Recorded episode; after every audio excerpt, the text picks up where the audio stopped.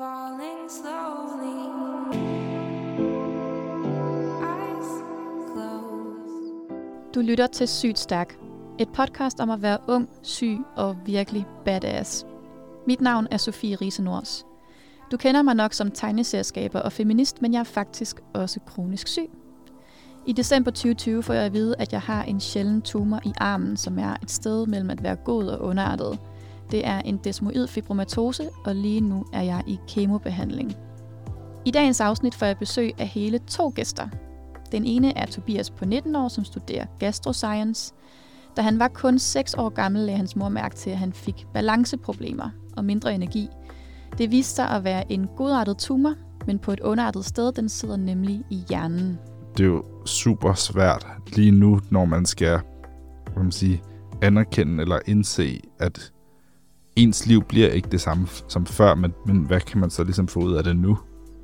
Det er okay at være ked af det, det kan hjælpe rigtig meget lige nu og her, så længe det ikke ligesom er ens liv, der bliver sørgeligt. Det er vigtigt at ligesom komme videre i efter den altså fase. Min anden gæst er Nikolaj på 22, som er lærervikar i 9. klasse. Da Nikolaj selv startede 9. klasse, troede han, at han skulle kaste karameller på sidste skoledag og drikke sig fuld i kongens have med sine venner. Men i stedet, så fik han leukemi og var i kemoterapi. da jeg var syg, der var det bare sådan, at jeg sad fast på livets motorvej, kan man sige. Jeg var, jeg var kørt i grøften eller sådan noget, øh, mens alle andre bare kørte derud af 120 i timen, ikke? Men jeg tog lidt en omvej. Når man, øh, når man bliver syg, så tager man en omvej jo. Men det er jo ikke fordi, at livet stopper for en. Nikolaj er i dag erklæret kraftfri. Tobias og jeg, vi lever fortsat med vores tumorer. Men om du har en kronisk sygdom eller har overlevet en alvorlig sygdom, så vil det transformere dig som menneske. Dette afsnit handler om det før og det efter, der eksisterer i forlængelse af ens sygdom. Velkommen til begge to, Tobias Tak. og Nikolaj. Tak. Jeg har jo normalt kun en enkelt gæst i studiet, men det her det er et emne, hvor jeg personligt har virkelig, virkelig meget på hjerte og har rigtig meget brug for at snakke om. Så derfor synes jeg, det kunne være fedt at have flere i studiet, så vi kunne spare med hinanden. Og jeg tænker også, at jeg kan lære meget af jer og jeres refleksioner over det her før og efter ens sygdom, fordi jeg er stadig ved at finde mig sådan til rette i min egen sygdom og lære, hvad, hvad det handler om. Jeg vil give jer en lidt svær opgave nu, fordi at jeg har forberedt to spørgsmål til jer, som jeg vil prøve at få jer til at give nogle ret korte svar på.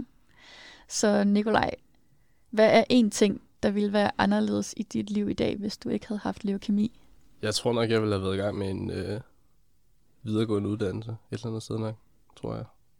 Det er sådan lidt, hvis jeg ja, kigger på øh, min omgangskreds dengang. Det, det er sådan et sted, de er i lige nu.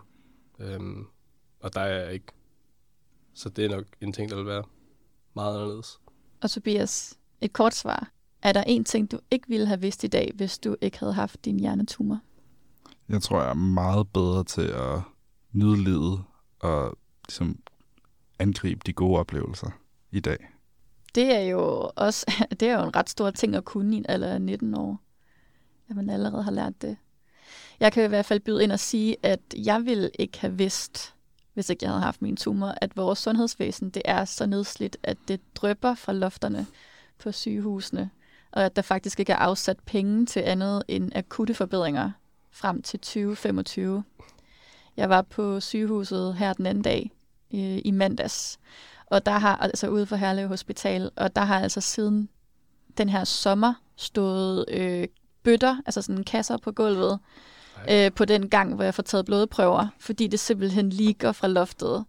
Og der ligger sådan vandpytter på gulvet, og det er sådan, altså sådan lækager i loftet. Vildt. Så øh, ja, det synes jeg, man skal tænke over næste gang, man går i stemmeboksen, hvis man har stemmeret. Så har jeg også bedt jer om at skrive dagbog til i dag. Og øh, Nikolaj, jeg vil høre, om du vil lægge ud med dit. Ja, det vil jeg gerne. Kære dagbog. Dag har jeg siddet og tænkt på den gang, før jeg blev syg. Det vækker gamle minder om en mere simpel tid, hvor jeg bare var almindelig nævlej, som gik i 9. klasse. Når jeg ser tilbage, føles det nærmest som et liv uden større bekymringer sammenlignet med de bekymringer, jeg fik efter jeg blev diagnosticeret med leukemi. Jeg kan mærke, skæld mellem det lette og det komplicerede, og det føles som to vidt forskellige liv. At blive syg var en omvæltning, som ændrede ufattelig mange ting for mig, og ikke kun fysisk, som jeg naivt næsten håbede på i starten. Mine tanker, følelser og identitet blev også ændret i et umuligt tempo, og de vil aldrig blive som før igen. Lige nu, når jeg husker tilbage, har jeg det egentlig okay indeni, men jeg kan også huske, at det for nogle år siden gjorde virkelig ondt at tænke på. Jeg var så ked af at miste det liv, jeg engang kendte, og nu var gået glip af. Og det føltes på en måde, som om det var taget fra mig. Men i dag, når jeg tænker tilbage, så er det anderledes. Jeg føler mig forsonet med det, jeg har været igennem, og mærker også en glæde over, at jeg kom igennem det. Det at have været kraftpatient er noget, som jeg har lært at leve med på godt og ondt, og den dag i dag er jeg sindssygt taknemmelig for at være rask. Oh my god. Det er super godt. Oh my god, jeg har sådan helt uh, chills. Ja, Jeg var slet Ja. ikke forberedt på, at it would go that deep. ja men jeg ved ikke, det blev ikke så meget sådan dagbogagtigt noget, for man skulle også tænke ret langt tilbage også og sådan noget. Men jeg føler også, at det beskriver rimelig godt, sådan, hvordan jeg har det med at have været syg og sådan noget. Jeg tror i hvert fald, der kommer til at sidde rigtig mange øh, lytter derude, som bare sådan virkelig kan spejle sig i det, du skriver der. Jeg kan i hvert fald virkelig. Ja. Jeg, er sådan, jeg er meget påvirket af det. Jeg kan virkelig, virkelig mærke det inde i. Okay, tough Ja. one to follow, Tobias. Okay, jeg- vil, vil du læse din op? Min er noget anderledes, fordi det fra os i mandags, da jeg var på hospitalet. Kære dagbog. I dag har jeg endelig fri efter en lang arbejdsweekend. Eller næsten fri. Fordi jeg skal til min øjenlæge, hvilket betyder test, scanning, undersøgelser af mine øjne og min synsnæver. Så faktisk overhovedet ikke fridag på nogen måde. Men endnu en øh, energi, energikrævende dag på hospitalet. Jeg kan godt være ret misundelig på mine venner, som, eller kollegaer, som bare skulle tilbringe dagen med at slappe af hjemme her på denne grå, regnfulde dag. Nu er jeg færdig. Alt var heldigvis fint og stationært, hvilket altid er skønt, men er helt flad og glæder mig bare til at komme hjem på sofaen. Ja, det, altså, ja, altså, det er jo netop sådan et øjebliksbillede. Ja. Ja. Øh, jeg prøvede, altså, det er i hvert fald sådan en følelse, jeg godt ret tit kan have, når jeg bruger en hel dag på hospitalet. Og ligesom tænker, de ved slet ikke, hvor heldige de er, bare at skulle lave ingenting. Ja. Ja, at man har, man har det der parallelliv, ja. Ja. som man kører ved siden af sit rigtige liv. Altså, det er i hvert fald sådan en følelse, jeg har fået her. Det er, det er tre år siden, jeg Mm. fik øh, blev diagnosticeret med den her tumor. Faktisk næsten præcis tre år siden, for det var den 22. december, jeg blev ringet op. På det her tidspunkt for tre år siden, der sad jeg øh, og øh, vuggede som sådan en personlig spændetrøje, fordi jeg ventede på biopsien. Øh, svar på biopsien. Og lige siden da, der har jeg ligesom følt, at mit liv der kørte i to spor. Der var sådan mit gamle liv, som er det quote-unquote normale, raske liv. Og så er der det her nye liv, som er sådan, det er noget, jeg prøver at håndtere sideløbende med, med det rigtige liv. Kan I genkende den spaltning der? Ja, Ja, altså især sådan, skal man sige, i sammenligningen, eller hvis man bliver konfronteret med sine udfordringer, hvor man bare, så, så kan den godt ramme ret hårdt. der er jo også det her med, at øh, når man bliver syg, så er det sådan, ens gamle liv, det, det stopper jo ikke bare sådan 100 procent. Så det, er sådan, det kører stadig videre i et andet spor, og så har du det her oveni med hospitaler og bivirkninger og symptomer og sådan noget, som, øh, som presser på oveni. Ja, Så det, ja netop. Tobias, du var jo kun syv år gammel, da du blev diagnosticeret med den her hjernetumor. Øh, men vil du ikke alligevel prøve at, at beskrive, hvordan dit liv det var anderledes dengang, end, fra, end hvordan det er i dag? Jamen, altså før det, der var jeg jo man sige, meget en meget lille dreng, men ligesom alle andre, meget energi, og der skulle hele tiden ja, være fart på, har jeg blevet fortalt af min mor.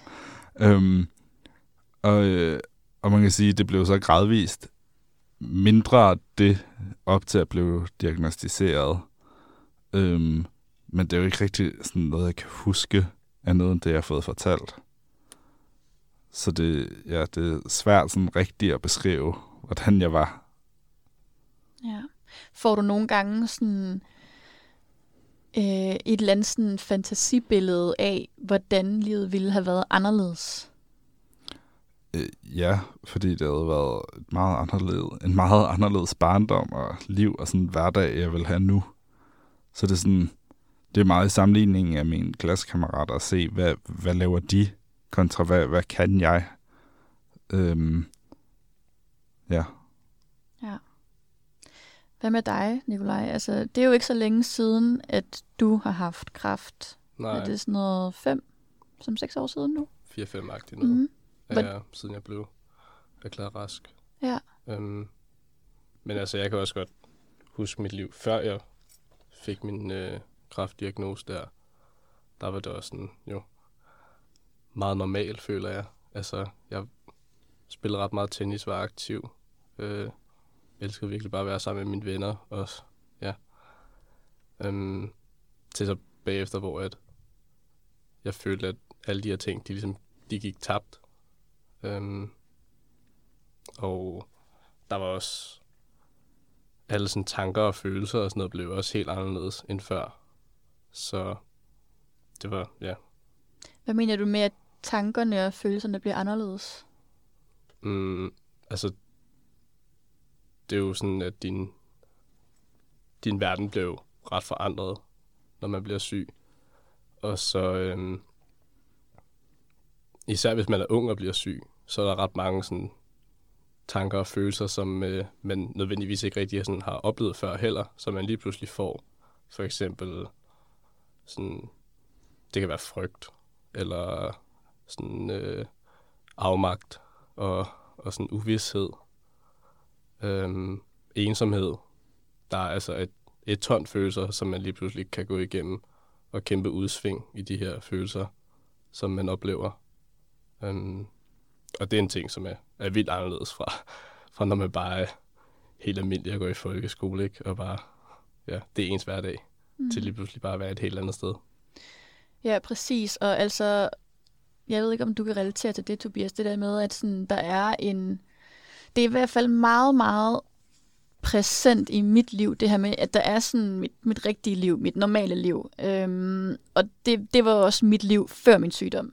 Det er ligesom, det er sådan default setting, der er i mit liv, som jeg hele tiden plejer at vende tilbage til op i hovedet. Øhm, og, og mit liv, nu er jeg jo så lige sådan lidt ældre end, end, end, end jer, men altså, mit liv var nemlig også bare sådan, jeg var aktiv, jeg var i gang med min karriere, og jeg festede, og, øhm, og det blev jeg sådan set også ved med at gøre i, i, sådan, i et stykke tid efter at blive diagnostiseret. Og øhm, der var en rigtig lang tid, hvor jeg virkelig var i sådan en fornægtelsesfase. Hvor de lige var sådan, det her, jeg må ikke være påvirket af det. Øh, alle de her besøg på sygehuset, jeg kan godt tage dem alene. Øhm, og jeg tager bare til scanning alene, og øh, it's no big deal. For, og fordi jeg gik jo og troede, at jeg havde cancer, altså un, underartet kræft. Og så fik jeg at vide, at det var ikke en underartet kræft, men altså, det i hvert fald ikke var noget, jeg- jeg ville dø af.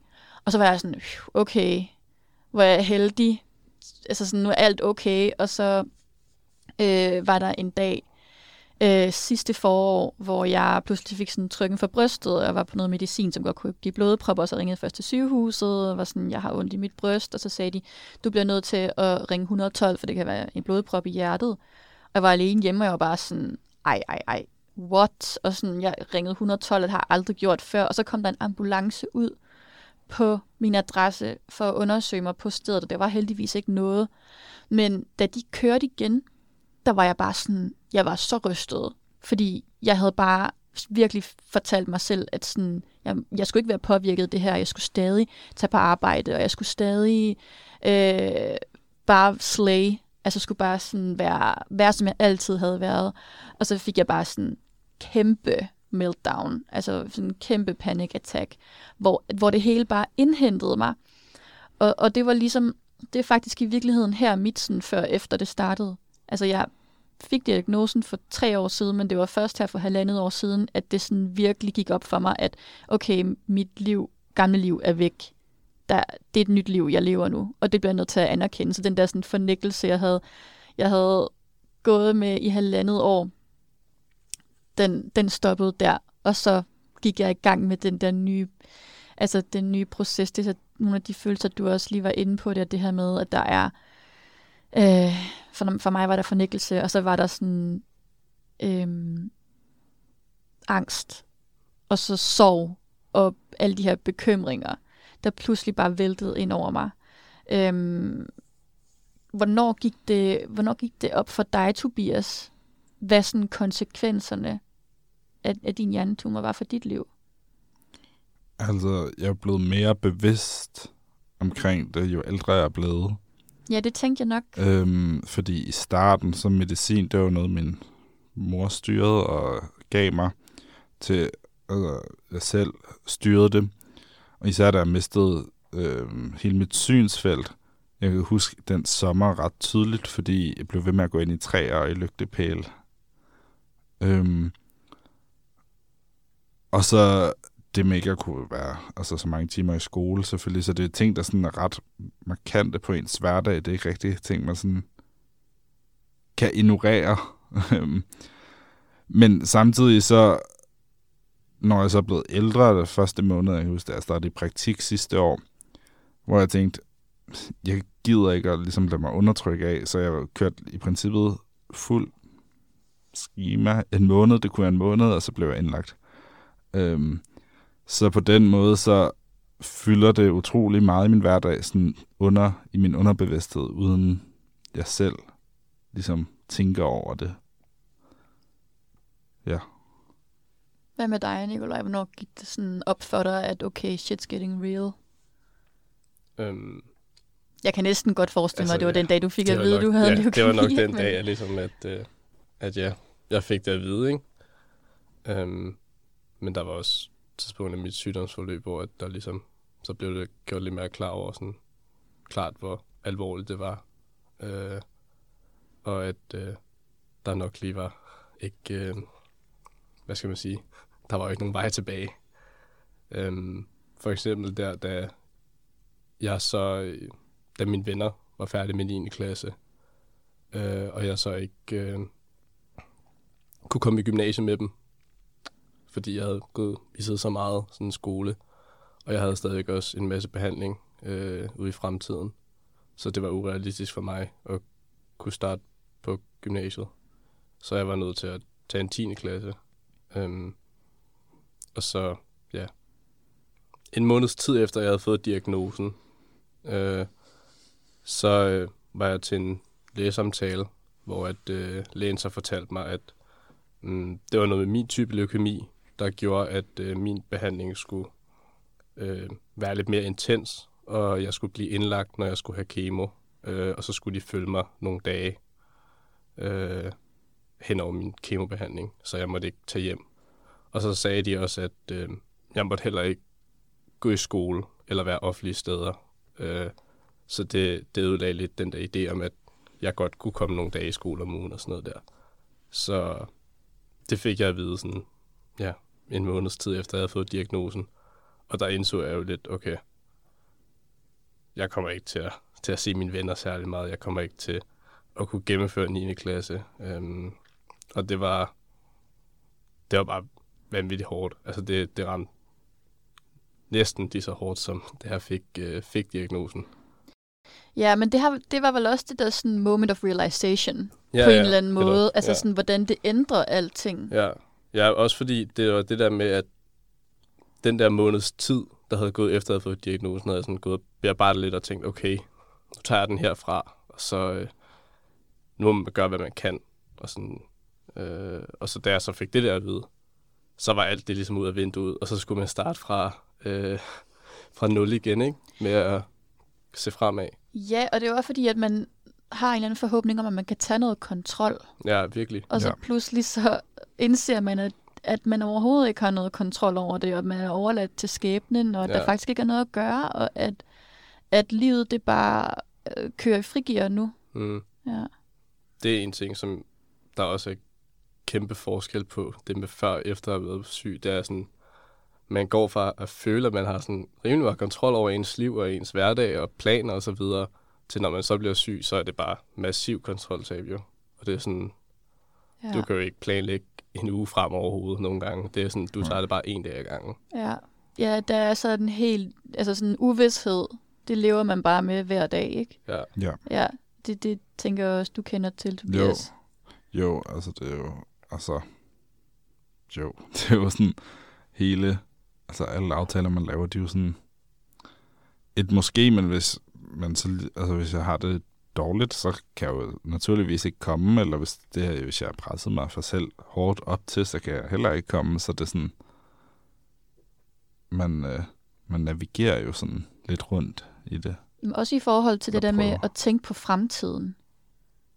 Altså det der med, at man... Selvfølgelig, livet er jo altid uvist. Man ved jo ikke, hvad der sker i morgen, vel? Men, men når man har en sygdom, så har man jo bare nogle andre bekymringer. Altså, der er jo en anden uvidshed omkring, hvordan kroppen vil reagere øh, på, hvad, hvad man har været igennem.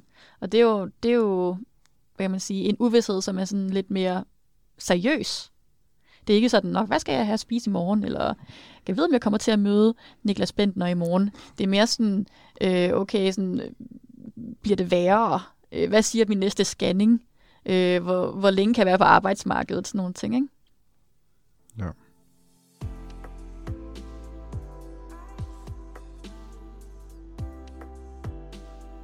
Da shit sådan really hit the fan for mig, og jeg var virkelig, virkelig langt nede, der snakkede jeg med min mor, og hun blev ved med at tale om, at jeg var i gang med sådan en soveproces. Og jeg forstod overhovedet ikke, hvad det var, hun mente, for jeg var sådan, sov over hvad? Altså, jeg har jo ikke mistet nogen. Det var ligesom det, jeg forbandt med sorg. Men så forstod jeg med tiden, at jeg jo sørgede over, at jeg havde mistet mit gamle liv. Fordi at mit liv og jeg vil jo aldrig blive det samme som før, og alt det her medicin og med sygehusbesøgende og alle de eksistentielle tanker, som jeg pludselig havde, de ændrer jo en og vil jo være der for altid, øhm, om man så er erklæret rask eller ej. Og Nikolaj, du nævnte sorg i dit dagbogsnotat. Øh, Ja er det også noget, du kender til, Tobias, den her soveproces? Ja, altså den proces var især igennem efter min tredje operation. Fordi der var jeg ligesom blevet 13-14 år. Så der vidste man ligesom, hvad der foregik lidt mere end 7 og 8. Og især efter den operation, kan jeg huske, der ramte mig virkelig sådan, det var fuldstændig vanvittigt, det jeg har været igennem, og generelt bare mit liv, altså. Øhm, og skulle tage så meget medicin, og ja, så den proces ramte mig rigtig meget der. Ja, hvordan bearbejdede du den så? Øhm, jeg tror, jeg snakkede meget, både med min mor og min psykolog, om det. Og ja, altså, om det er jo, altså, især det der med, det, det er jo super svært lige nu, når man skal, hvad man sige, anerkende eller indse, at ens liv bliver ikke det samme som før, men, det, men hvad kan man så ligesom få ud af det nu? Øhm, altså, var en vinkel, vi snakker meget om. Det der med, at det er okay at være ked af det. Det kan hjælpe rigtig meget lige nu og her, så længe det ikke ligesom er ens liv, der bliver sørgeligt. At det er vigtigt at ligesom, når ja, komme videre i efter den pro- altså fase. Ja. Ja, men det, og- ja, det synes jeg faktisk er, jo- det er jo et rigtig godt billede på både det der med, at du er ikke din sygdom, du har en sygdom, og det er det der med, det er det der parallelspor, ligesom med, at du må gerne være ked af det, men, men du, dit liv skal ikke være sørgeligt. Det var et rigtig fint billede. Hvordan så, hvordan så din soveproces ud, Nikolaj? Det var faktisk først noget, som jeg sådan fik øjnene op for at begynde ligesom at, og, at tænke på at bearbejde, efter jeg var blevet erklæret rask, øhm, og ikke skulle øh, have mere kemo. Øhm, der var det sådan, der gik jeg i, i gymnasiet, 2G, og så øh, var det sådan, at øh, jeg begyndte at få virkelig meget sådan tankemøller om, øh, om natten, og om aftenen, når jeg skulle til at sove, øhm, hvor jeg sådan sad og, at tænke på, hvordan mit liv det havde set ud, hvis jeg ikke var blevet øh, syg, og sad sådan og spekuleret på alle mulige scenarier, hvor jeg ville være henne og sådan noget. Øhm, og øh, ja, det påvirkede bare rigtig meget min søvn, og jeg fik det virkelig, virkelig dårligt øh, mentalt. Og så startede jeg også til nogle samtaler hos en øh, psykolog efter, efter det tog overhånd. Og der, øh, der nævnte min psykolog også, at, øh, ja, jeg er jo i sorg over det, der var sket. Øh, og det, det gav jo ret meget mening. For jeg var simpelthen så ked af og ærgerlig over, at, øh, at øh, Det er meget gamle, mit, mit gamle liv, det var ligesom, det var bare tabt jo. Det var Ja. gået tabt. og Det var bare sådan, ja. Ja. Øhm, så det var der, jeg fik, fik øjnene op for det. Øh, og begyndte at tænke over det. Hvad med sådan noget som jalousi? Fordi jeg kan huske øh, sidste sommer, der, øh, der var jeg bare sådan totalt sengeliggende. Jeg, øh, det var sådan, ja, det var sidste sommerår, øh, det var sidste forår, hvor jeg havde den der øh, oplevelse med ambulancen, og så hele, den, hele, hele sidste sommer, der var jeg ligesom bare i sådan choktilstand, sådan alt væltede bare indover, men også fordi, at jeg Øh, jeg blev sådan syre og syre af det medicin, jeg var på. Det var ikke kemo dengang, det var bare sådan noget andet kraftmedicin. Øhm, men stadig noget, jeg havde virkelig, virkelig mange bivirkninger af. Og jeg, sådan, jeg havde bare mega tyndt hår. Jeg havde ekstreme smerter. Jeg var mega svag. Altså, jeg så bare syg ud. Og så oven i det, så havde jeg også lige forstået min ankel. Og jeg, jeg lå i min seng og havde det pisse dårligt. Og så var der bare studenterkørsel. Mm. Og alle de der vogne, de kørte igennem det kryds, hvor jeg boede. Og der var helt vildt varmt, så jeg havde hele tiden åben, øh, åben vindue. Og så lå jeg bare der og kunne bare høre hver 15. minut, hvis ikke hver 5. minut, sådan en lastbil med 20 mega euforiske, stive unge mennesker, der bare sang Stor mand. Og jeg var bare sådan, fuck mit liv. Fuck, fuck, fuck mit liv. Fuck. Altså, jeg var virkelig bare sådan, fuck, at jeg ligger herinde, og de er derude, og de er så glade, og de elsker bare at leve. Altså, sådan havde det virkelig, og jeg fucking hader bare at leve lige nu.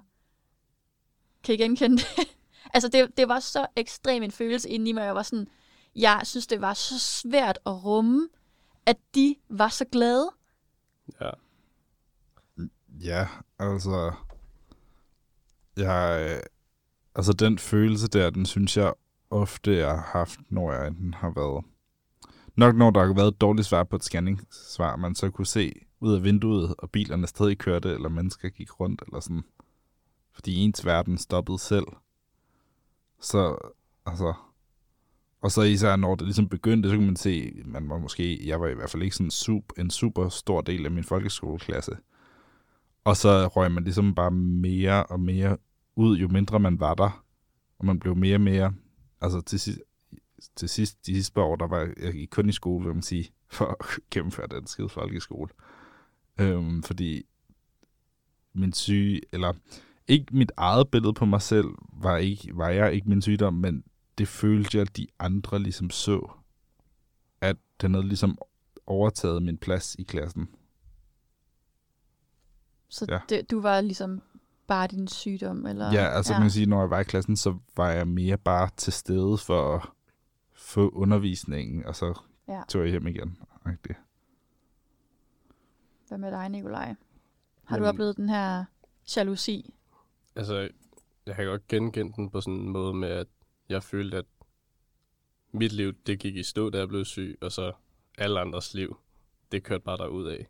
Øh, og jeg var også sådan, hvad hedder det, jeg kunne godt mærke, at jeg var sådan, jeg ved ikke helt, om det var misundelse eller jalousi og sådan noget, fordi jeg følte ikke, at der var sådan nogen, der havde nogen skyld i det, der var sket, men det var bare sådan en, en øh, hvad, hvad kalder man det? Sådan en nærmest sådan virkelig deprimerende situation, øh, Mm. hvor at min ungdom, den blev bare reddet væk, mens alle andre, de bare Ja. ja, kunne leve deres liv. Hvordan har I det med sociale medier? Fordi altså jeg, da jeg var sådan rigtig syg, jeg var sygemeldt i den der periode, jeg beskriver sidste øh, sommer, jeg, jeg har sådan en veninde, som bare virkelig altid ser så godt ud på Insta, og hun laver bare så mange sjove ting, og Altså, hendes liv er bare så spændende, og hun er bare så smuk, og det kører bare for hende, og øhm, der var altså en periode, hvor jeg blev nødt til at bare slukke for hendes Mm. øh, profil, for jeg var sådan, jeg kan, jeg kan ikke over, jeg overgår det ikke. Altså, jeg kan ikke overskue at se, hvor meget hun bare kører med klatten, og hvor meget alting bare gået i stå for mig, og jeg ved ikke, om jeg nogensinde øh, kan, kan køre så meget med klatten, som hun gør. Jo, altså super meget. altså, Ja, jeg føler også, at især med sociale medier, sådan at sidde, sidde og øh, følge med på en eller anden story, øh, og bare se, og se hele tiden sammenligne sig selv Ja. med sådan et eller andet, der er komplet urealistisk for dig i den situation, som du står i, ikke? Øhm, det kan virkelig være farligt. Forfærdeligt, ja. Ja.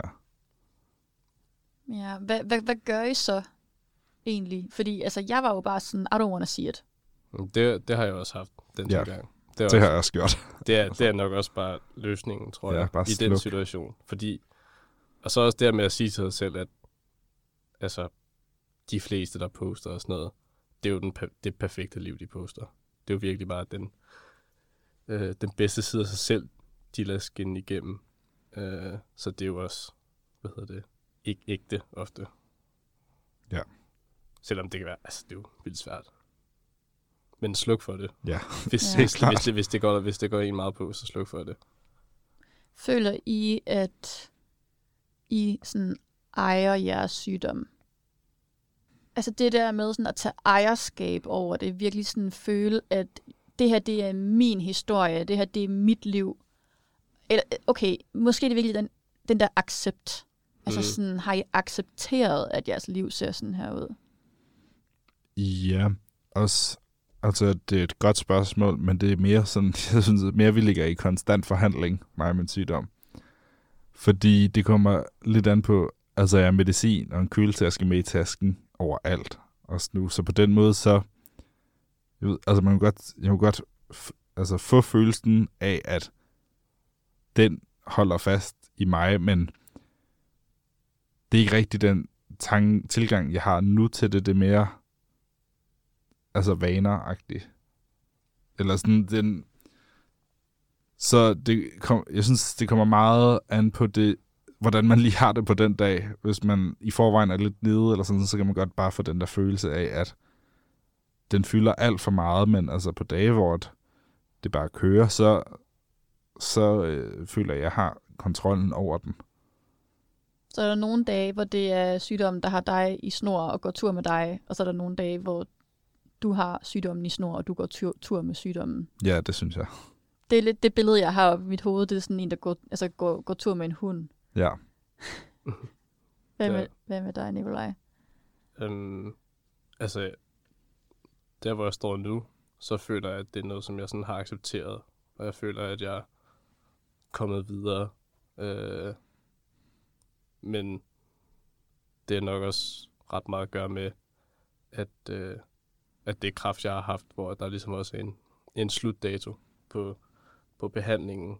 Øh, og en, et tidspunkt, hvor man bliver sådan erklæret rask, kan man sige. Og det, det er, at jeg er erklæret rask, har sådan øhm, nok også gjort ret meget for min øh, accept, at jeg har været syg. Fordi jeg føler sådan, at jeg stille og roligt har haft en proces, hvor jeg har fået et normalt liv tilbage igen. Og det er jo sådan, der synes jeg er ret heldig at stå i den position. Ja, du har Øhm. fået lov til at sætte et punktum. Ja, Ja. og det har, det føler jeg, at det, altså, man, man siger jo sådan, at tiden læger alle sår, ikke? Øh, og det føler jeg, at det er ret rigtigt, i hvert fald i min situation. At det er sådan, fordi jeg har fået lov til at lægge afstand til det, så har jeg kunne komme over det. Mm. Altså, den øh, føle, det jeg lige kommer i tanke om nu, det, øh, det der med at få en slutdato, især da jeg var mindre, og der fyldte det utrolig meget, når jeg var indlagt, eller havde tilbagefald. Fordi, selvom jeg har brugt 11 år på børnekræftafdelingen, så har det været en, sådan, en frygtelig følelse nogle gange at se de andre få ballonger på, Mm. og sådan noget. Øh, og det har jeg aldrig prøvet. Altså, fordi når man bliver... Man går ligesom igennem kemo, og så er man ligesom, øh, hvad kan man sige, så har man besejret den på en eller anden måde. Men når man bliver opereret, så er man ligesom bare inden og få ordnet noget, og så bliver man altså hjem igen. Så der var en periode, hvor at jeg synes, det var utroligt. Jeg var meget misundelig på dem, der havde ligesom det der tillykke med, at du altså klarede den det rammer virkelig mig, det der, øhm, altså, jeg ved ikke, om det er fordi, at jeg er på voksenkraftafdelingen, men altså, der var jo aldrig nogen, der fortalte mig, at det var en kronisk sygdom, jeg havde fået på en eller anden måde. Det var lidt noget, jeg selv sådan skulle finde ud af. Og, øhm, og da det gik op for mig, at, øh, at det her, det ikke var et øh, projekt med en udløbsdato, det var som om, at så skulle jeg i gang med sådan en helt ny proces, hvor jeg var sådan, okay, det er ikke bare en tumor, jeg har fået, det er faktisk noget, jeg kommer til at slås med hele livet.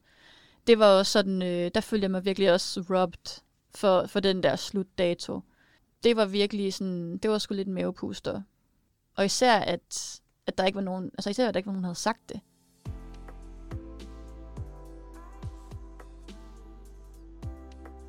Føler I, at I har lært noget om livet af, jer, af jeres sygdomme? Du starter, Nikolaj. Ja. Ja, helt klart. 100% Altså, jeg, jeg føler... Øhm, jeg føler, en virkelig vigtig ting, jeg har lært, det er, at det er sådan... Det, det er okay at tage tingene i sit eget tempo. Og det er okay, at tingene tager den tid, det tager. Øhm, og det, det er noget, som var meget svært for mig i starten af, af mit, øh, mit sygdomsforløb. Um, men det er noget, som jeg ja, har lært over tid, at det er sådan... Um, ja, Ja, hvad med dig, Tobias? Øhm, jo.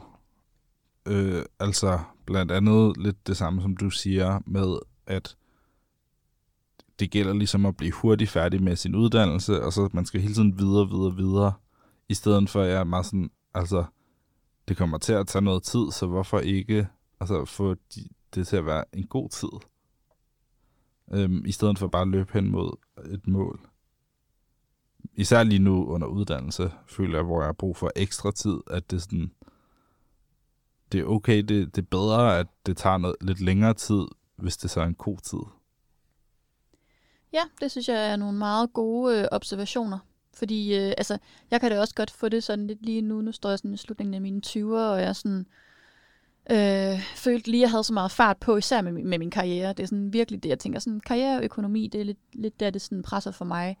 Og jeg kan godt nogle gange føle, at jeg bare sådan står i stampe, og, og kommer ikke nogen vejen. Men, øh, men det er jo så rigtigt, at øh, altså, tiden står jo ikke stille, bare fordi at man tager en pause fra ens arbejde.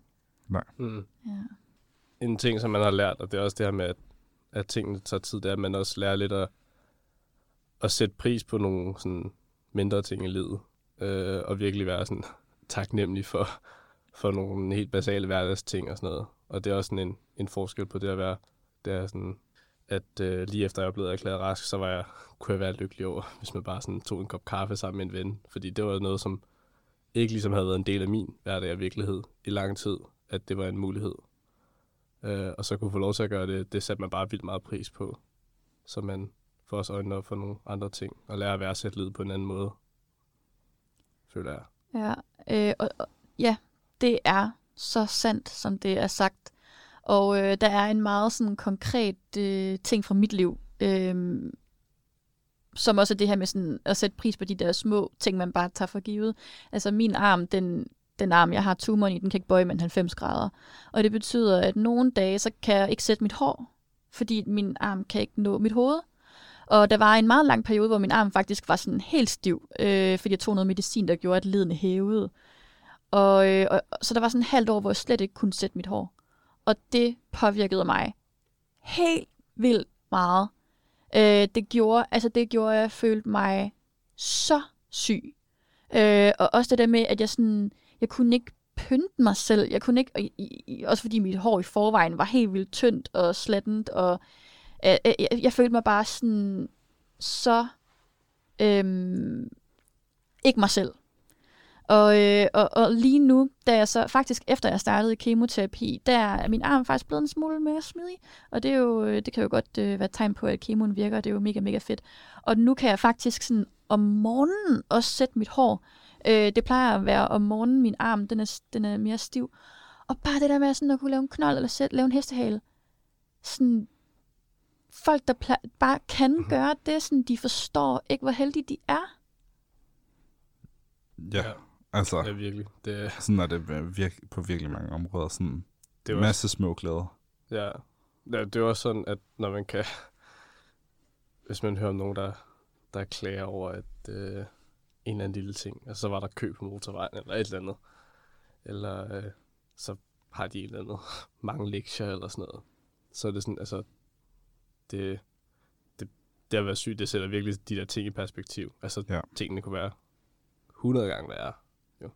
Ja. Altså, jeg synes bare, man bliver meget mere moden af at altså, have ja. været så alvorligt syg. Man bliver hurtigt voksen. Meget hurtigt. Meget hurtigt voksen. Ja, det er jo i hvert fald en ting, jeg har lagt mærke til med de gæster, jeg har haft inden. Altså, at det er jo, jeg har haft fra 19 til, til 24, så har jeg haft en gæst, der var 29. Øh, en af mine gamle folkeskolekammerater, Stina. Øhm, og altså, jer, der er helt unge, jeg bliver bare sådan, wow, I er bare så afklaret med livet, og I har bare så meget sådan øh, dybde, når I reflekterer over livet, og Altså, og det er jo... Det er jo under nogle lidt nederen omstændigheder, men det er jo faktisk et kæmpe privilegium at være så klog på livet. Og også, at altså det her med, øhm, når man bliver syg, når man er barn, som regelt, okay, nu blev du så godt nok syg, at du var barn, Tobias, men der er, altså livet har den her uskyld. I virkeligheden en uskyld, som jo faktisk plejer at vare, indtil man bliver de der 40, 50, 60 år gamle, hvor de der livsstilssygdomme, de begynder at ramme, og, og folk, de... Øh, ja, altså sådan, at der, der er en større hyppighed blandt folk, der får, får sygdommen. Øhm, men så rammer livets hårde sider bare helt vel hurtigt, øh, og man lærer, at livet ikke er så uskyldigt. Og, og det er jo det er jo mega uretfærdigt, at livets uskyld bliver taget så tidligt fra en, men et eller andet sted også noget, der giver en noget, øhm, og det er ikke fordi, jeg vil lyde sådan, what doesn't kill you makes you stronger-agtigt, fordi jeg er faktisk meget imod det, det udtryk, fordi det skal Ja. ikke lyde som om, at sådan, øh, du bliver bare mega hærdet og stærk af at have, have været udsat for traumatiske oplevelser. Det gør jo faktisk bare en endnu mere skrøbelig og sårbar. Man skal blive passet endnu mere på, men, men det giver jo i hvert fald en noget perspektiv. Mm. Ja. Jeg føler også, det er sådan en, en ting, som jeg har taget med videre. Øh, det er også sådan det her, sådan, man føler, at man har noget livserfaring på en anden måde. Og det kan godt være, at man er gået glip af et ton oplevelser, og, og man har mistet sådan, Sin Ting. ungdom. ja, sin ungdom, ikke? Men man har også fået noget andet igen. Øh, selvom det er jo ikke, øh, det er jo ikke en, en, en helt færre byttehandel. Nej. Det tror, jeg, det tror jeg ikke, at mange vil gå med til. Øh, men, men det er i hvert fald en ting, som man kan tage med videre. Som, ja. Ikke en helt færre byttehandel. Det synes jeg er godt sagt. Nå, jeg har jo også skrevet dagbog til i dag. Og den kommer her. Kære kemodagbog. Nu havde jeg lige brugt 26 år på at gå og regne livet ud. Det her er fuldstændig som at blive teenager igen. Der er ingen, der forstår mig. Livet er ugennemskueligt. Hvad skal der blive af mig? Hvem er jeg? Jeg skal i hvert fald ikke have et barn lige nu. Jeg har lyst til at klemme fucking ind i alle sætninger. Jeg er fucking træt. Min sved lugter anderledes, og så videre. Men jeg er også blevet enormt gammel. Jeg har for eksempel lige googlet, kan man se en blodprop? Og jeg må heller ikke få feber, fordi så skal jeg indlægges. Og så føler jeg mig også lidt som en baby, der skal have alting forklaret og ikke altid forstår alvoren af situationen. Så havde jeg lige brugt 26 år på at gå og regne alting ud, og så eksploderer det. Både tid og sted og sind og krop. Jeg troede ligesom, jeg skulle leve lineært, ligesom alle andre, hvor jeg kan planlægge, og jeg kan have drømme og fantasier om fremtiden.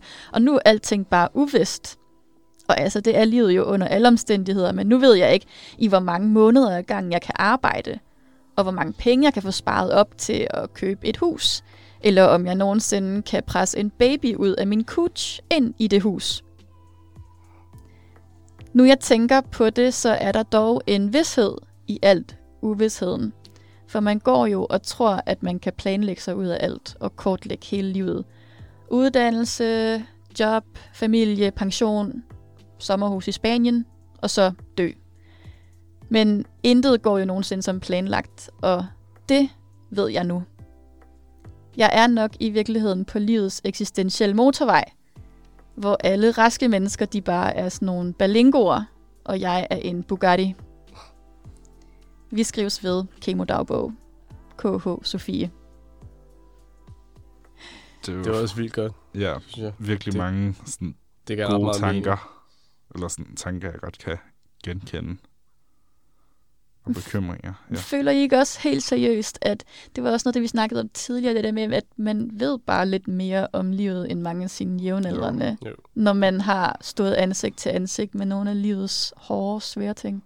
Det var et vildt godt billede, det der med, med motorvejer ja. og balingoerne, og så må man sælge en Bugatti. Ja, præcis sådan. Om, Ja. ja. Ja. Altså, man, jeg føler i hvert fald virkelig, de her tre, sidste tre år, der har jeg virkelig bare været i overhalingsbanen. Ja, ja. Hold kæft, det er gået hurtigt, mand. Ja. Ja. Jeg har fandme, undskyld mig, at nu bander jeg rigtig meget, ikke det, er det der jeg sagde, jeg vil bare gerne klemme fuck ind i alle sætninger. Men sådan, jeg har bare lært så meget om livet.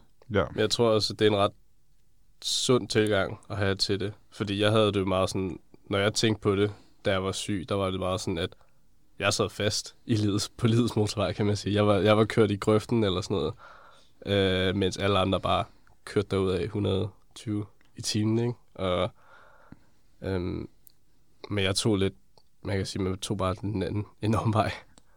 Når man, øh, når man bliver syg, så tager man en omvej jo, og så... Øh, men det er jo ikke fordi, at livet stopper for en. Nej. Det- Det Det, er det altså fortsætter en- stadigvæk. Det er Ja. altså en virkelig god metafor, det der med at køre. Ja. ja, det er det. Ja. Men jeg føler lidt, det er sådan en kombination af det, I begge to siger med, at på en eller anden måde, man bliver meget, altså man bliver konfronteret med, hvad livet i princippet handler om, men så, og man bliver meget mere moden, men samtidig så har man en følelse, eller jeg har haft en følelse af, at ens venner bare suser langt foran en, som du sagde, Nicolaj. Ja. Så det er sådan en spøjs kombination af sådan de to følelser. ja, det er rigtigt nok. Altså, der er jo, ja, det er jo sådan, altså på nogle punkter, så er de jo også foran en. Men på andre punkter, så er du foran dem. Ja. Så det er sådan, altså ja, på, på godt og ondt. Hmm. Altså, man står i hvert fald med nogle andre livserfaringer, Ja, ja. netop. end de gør. Ja. Og det skal man jo heller ikke bare smide væk. Nej, og jeg var, jeg var inde i sådan et podcast, der hedder Hjerteflimmer for voksne, øhm, hvor man kommer ind, og så sidder der en parterapeut, som skal hjælpe en med et kærlighedsspørgsmål. Og øh, mit kærlighedsspørgsmål, det handlede om øh, at øh, ja, åbne sig op over for nye mennesker, nu når jeg havde fået en, en sygdom. Og så den her øh, parterapeut, som hedder Jytte Vigelsø, hun øh, sagde til mig, at øh, jeg skulle lære at elske min skæbne. Det var sådan et Nietzsche-citat af Mor Fati. Og øh, det er jo en ret ekstrem ting at fortælle til en person, som står i en, i en uheldig, mindre end lykkelig situation, at de skal elske sin skæbne.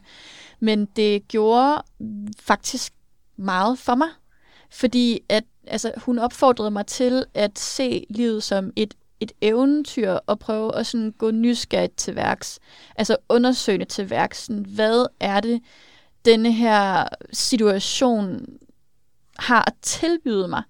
Altså, og, øhm, og det skal ikke lyde som om, igen det der, sådan, what doesn't kill you makes you stronger, altså at, at man skal altid finde en silver lining på en dårlig situation, men og, og, og selvfølgelig, hvis jeg, altså jeg vil da for alt i verden have ønsket, at jeg ikke stod i den her situation, og jeg ikke havde en, en sygdom, men hvis jeg enten, altså endelig skal reflektere over, hvordan jeg har udviklet mig med den her sygdom, så ved jeg da i hvert fald nu, at jeg kender mig selv meget, meget bedre, end hvad jeg gjorde før, og jeg er sådan, jeg er, jeg har fået sådan en helt andet bullshit-filter.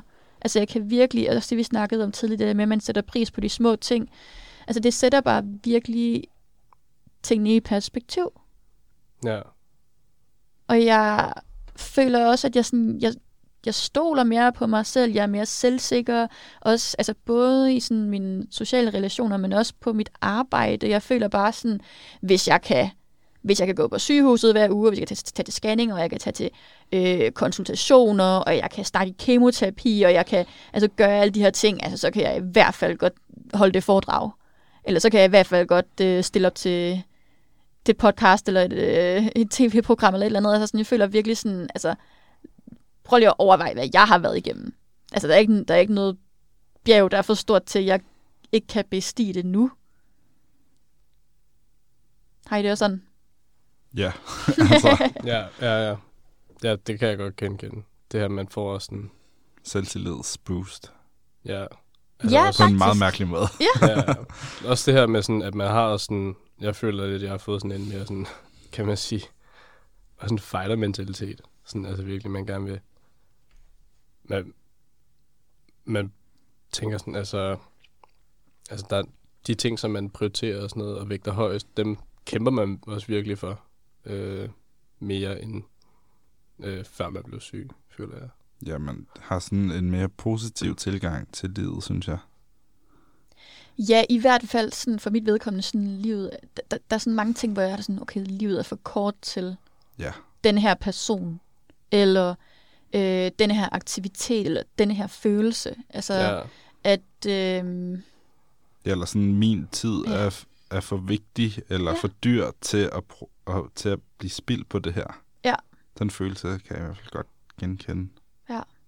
Ja, det er også meget det her med, at føler jeg, at øh, med sådan ting, som man ikke har nogen kontrol over, eller ikke kan gøre noget ved, dem skal man virkelig også ja, passe på med at, med at bekymre sig for meget om.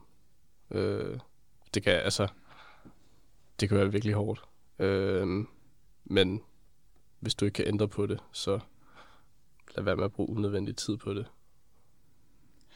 vi skal til at øh, rappe dagens episode op, og her til slut, der vil jeg gerne stille jer tre faste spørgsmål. Og jeg tror, jeg starter med dig, Tobias. Ja. Hvad er dine bekymringer for fremtiden? Og der er jo altså mange, men det er jo ikke noget, der fylder, men altså det er jo både fra, hvordan får jeg et, altså et rigtigt job, eller er der en arbejdsgiver, der vil ansætte mig med mine behov, og sådan, øh, kan jeg få børn, får jeg børn, hvad med, kan jeg få en kæreste, når at jeg har så mange ekstra behov, Ja. Kommer min sygdom tilbage fra et tilbagefald igen? Ændrer der sig noget? Ja. Hvad er din håb for fremtiden? At jeg får en uddannelse og et job på mine præmisser, og at, jamen, at i princippet, så synes jeg indtil videre, så lever jeg den bedste tid af mit liv, og sådan har jeg det egentlig meget. Så den følelse vil jeg rigtig gerne blive ved med at have. Og har du et godt råd til andre i din situation? Altså, det er jo svært at komme med et godt råd, der dækker. Men det der accept, prøve at acceptere, og så få det bedste ud af ens hverdag, fordi det er dem, der har allerflest af. Så få de gode stunder til at fylde mest. Ja, det synes jeg er rigtig godt sagt. Det er jo hverdagen, der er allerflest af. Ja. Mm. Samme tre spørgsmål til dig, Nikolaj. Hvad er dine bekymringer for fremtiden? Øhm, en bekymring. Øhm, altså, der er jo, al- altså, når man har haft kræft, så er der jo altid en vis chance for, at man får et tilbagefald. Øh, og det er jo sindssygt skræmmende at tænke, tænke på. Øh, så det er også virkelig noget, som jeg øh, prøver at skubbe langt væk. Og virkelig noget, som jeg bare prøver slet ikke at have i hovedet. Um, men ja, det er nok den største bekymring, jeg har lige nu i forhold til min sygdom. Men ja, heldigvis ikke noget, der fylder super meget. Hvad er din håb for fremtiden? Øhm, altså lige nu så har jeg jo sabbatår, og jeg arbejder egentlig bare. Øhm, men der er også en masse ting, som jeg gerne vil have ud af mit sabbatår. Jeg vil nok gerne ud at rejse, så vil jeg måske gerne på højskole. Så det at have nogle ting at, at se frem til og glæde sig lidt til, det, det er virkelig rart. Og så mit håb er bare, at, at det bliver godt. Ja. Og har du et godt råd? Mm, et, øh, ja, et godt råd til andre, som er syge og unge, vil nok være at øh, snakke med andre om det. Øh, de problemer og udfordringer, man har. Øh, dele med nogen. Og også hvis det er muligt, så dele med andre, som også står i din situation. Andre syge unge. Øhm, for det kan, det kan man få sindssygt meget ud af. Øh, og det kan give vildt meget at, at få et, øh, et perspektiv på ens øh, udfordringer fra andre, som har stået i lignende situation jo. Og ja, så snak med nogen om det. Ja, og måske også tale med en terapeut, en psykolog om det, som kan give en nogle redskaber til at, øh, at finde hoved og hale i alle de bekymringer og alle de, øh, Ja, de ting, der flyver rundt i hovedet Tanker. på en. Ja. ja. Det er også virkelig, virkelig godt råd. Jeres råd, de er hermed givet videre, og jeg er sikker på, at de kan bruges derude. Og så vil jeg bare sige tusind, tusind tak til jer begge to, til dig Tobias og til dig Nikolaj. Tak for besøget. Mange tak for, at Ja, mange tak. I måtte komme.